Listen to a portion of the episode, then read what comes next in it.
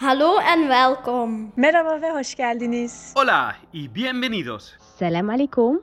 Marhaban bikum. Yassas. Ciao, siete tutti benvenuti.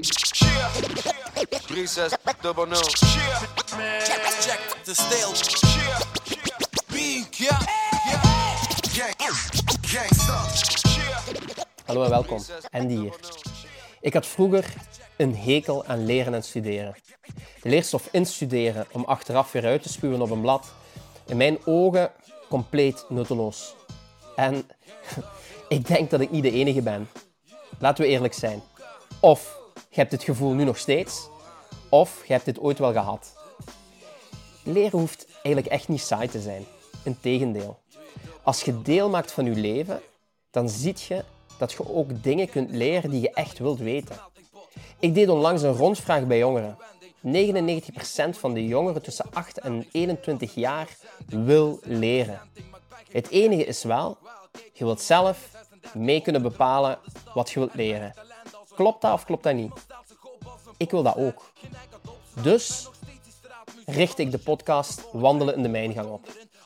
Ik ben uw host en een wandelende mijngang doe ik mijn gang en ga ik mijn gang. Snap je? Mijn Mijn gang? Nee? Eh